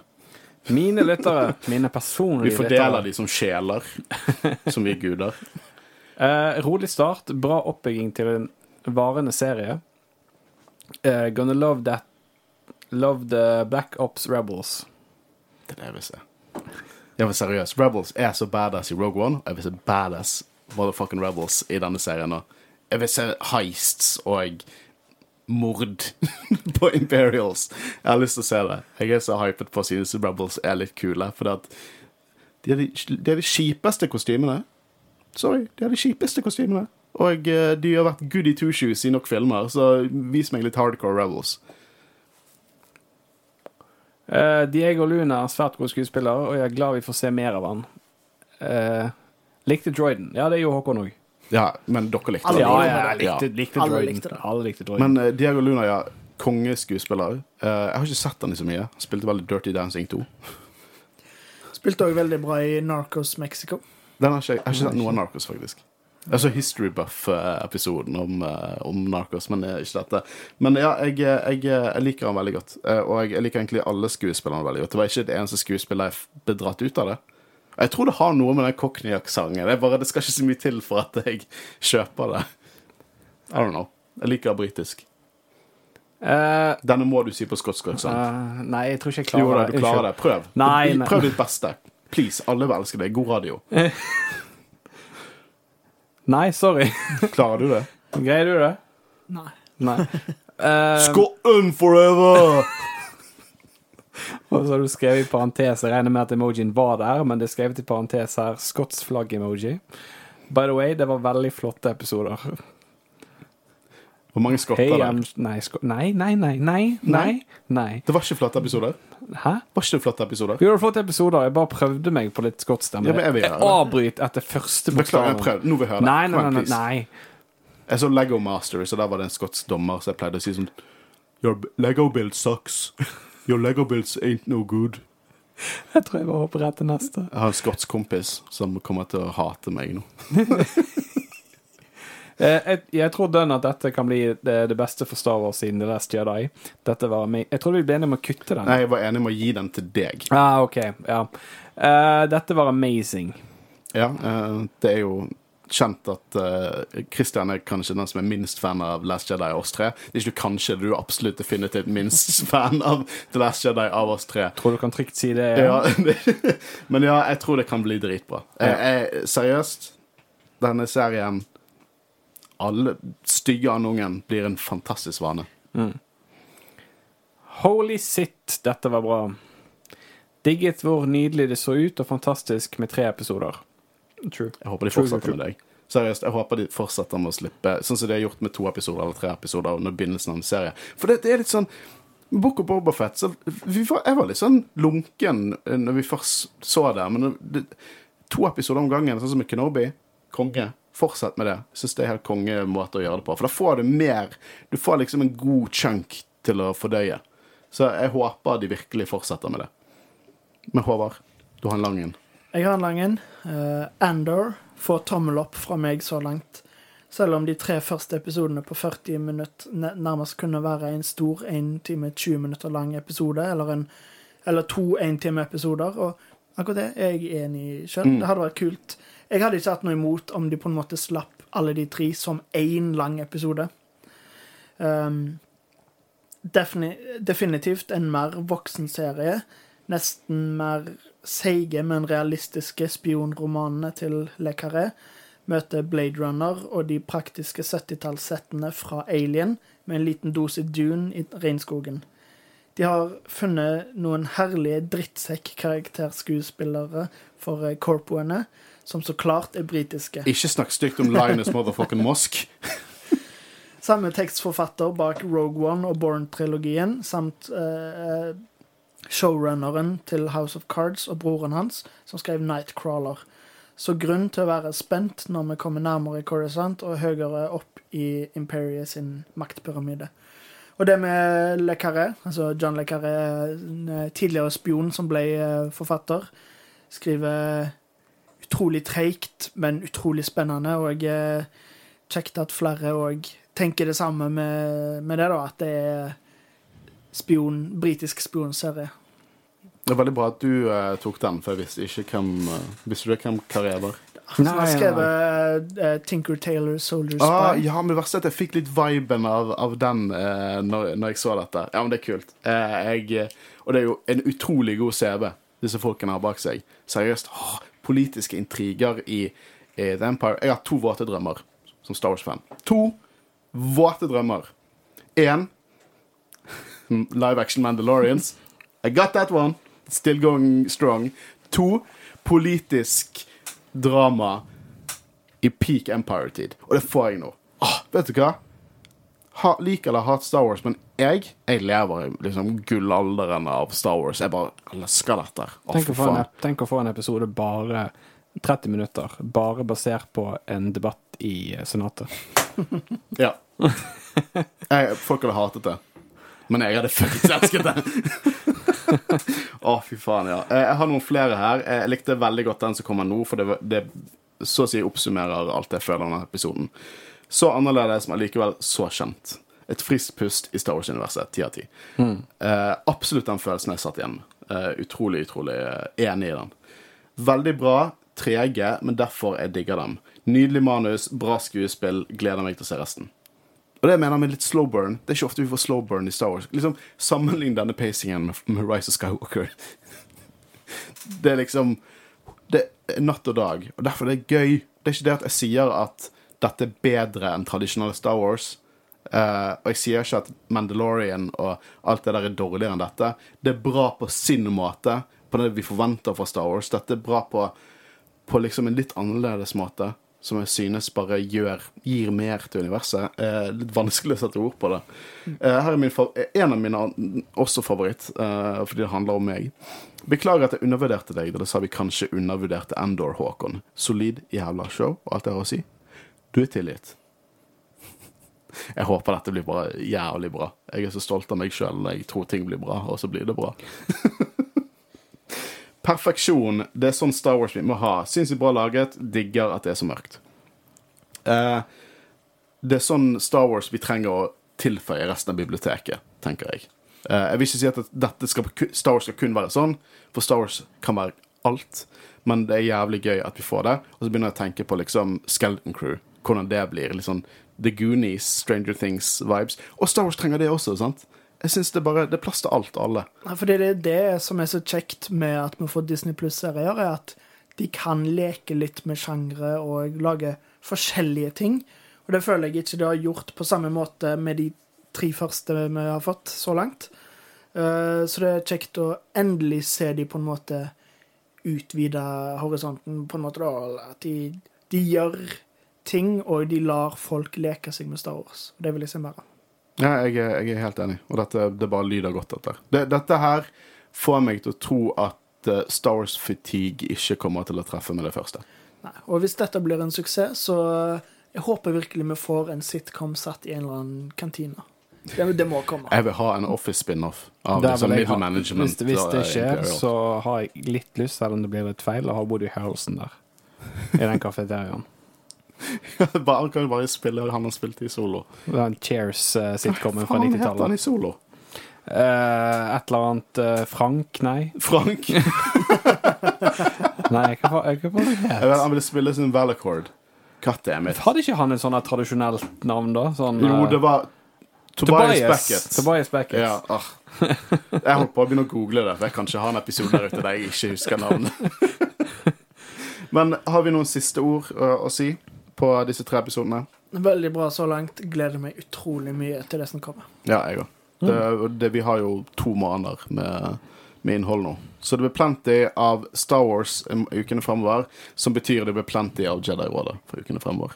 Eh, igjen, tusen takk til alle som fant oss igjen og fortsatte å støtte oss nå når vi gikk gjennom eh, litt stressende perioden og løsrive oss. Eh, det høres ut som vi toots our own horn nå, men vi kom for første gang opp på topplisten av podkaster i Norge.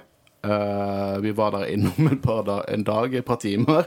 Men det er gøy. Det har ikke skjedd før. Uh, og eneste grunnen til at vi har kommet opp der, er pga. at dere hører på oss. Så tusen takk. Jeg vet du, du føler at det er generaliserende, men du som sitter og hører på nå, takk. Tusen takk. Spesielt deg. Ja, spesielt deg. Og ikke glem deg. Der har vi han. Mitt navn er Håkon Øren, og jeg har sittet sammen med Håris? Og Kristian Øyen Aspen. Vi snakkes neste uke. Ha det bra. Ha det bra.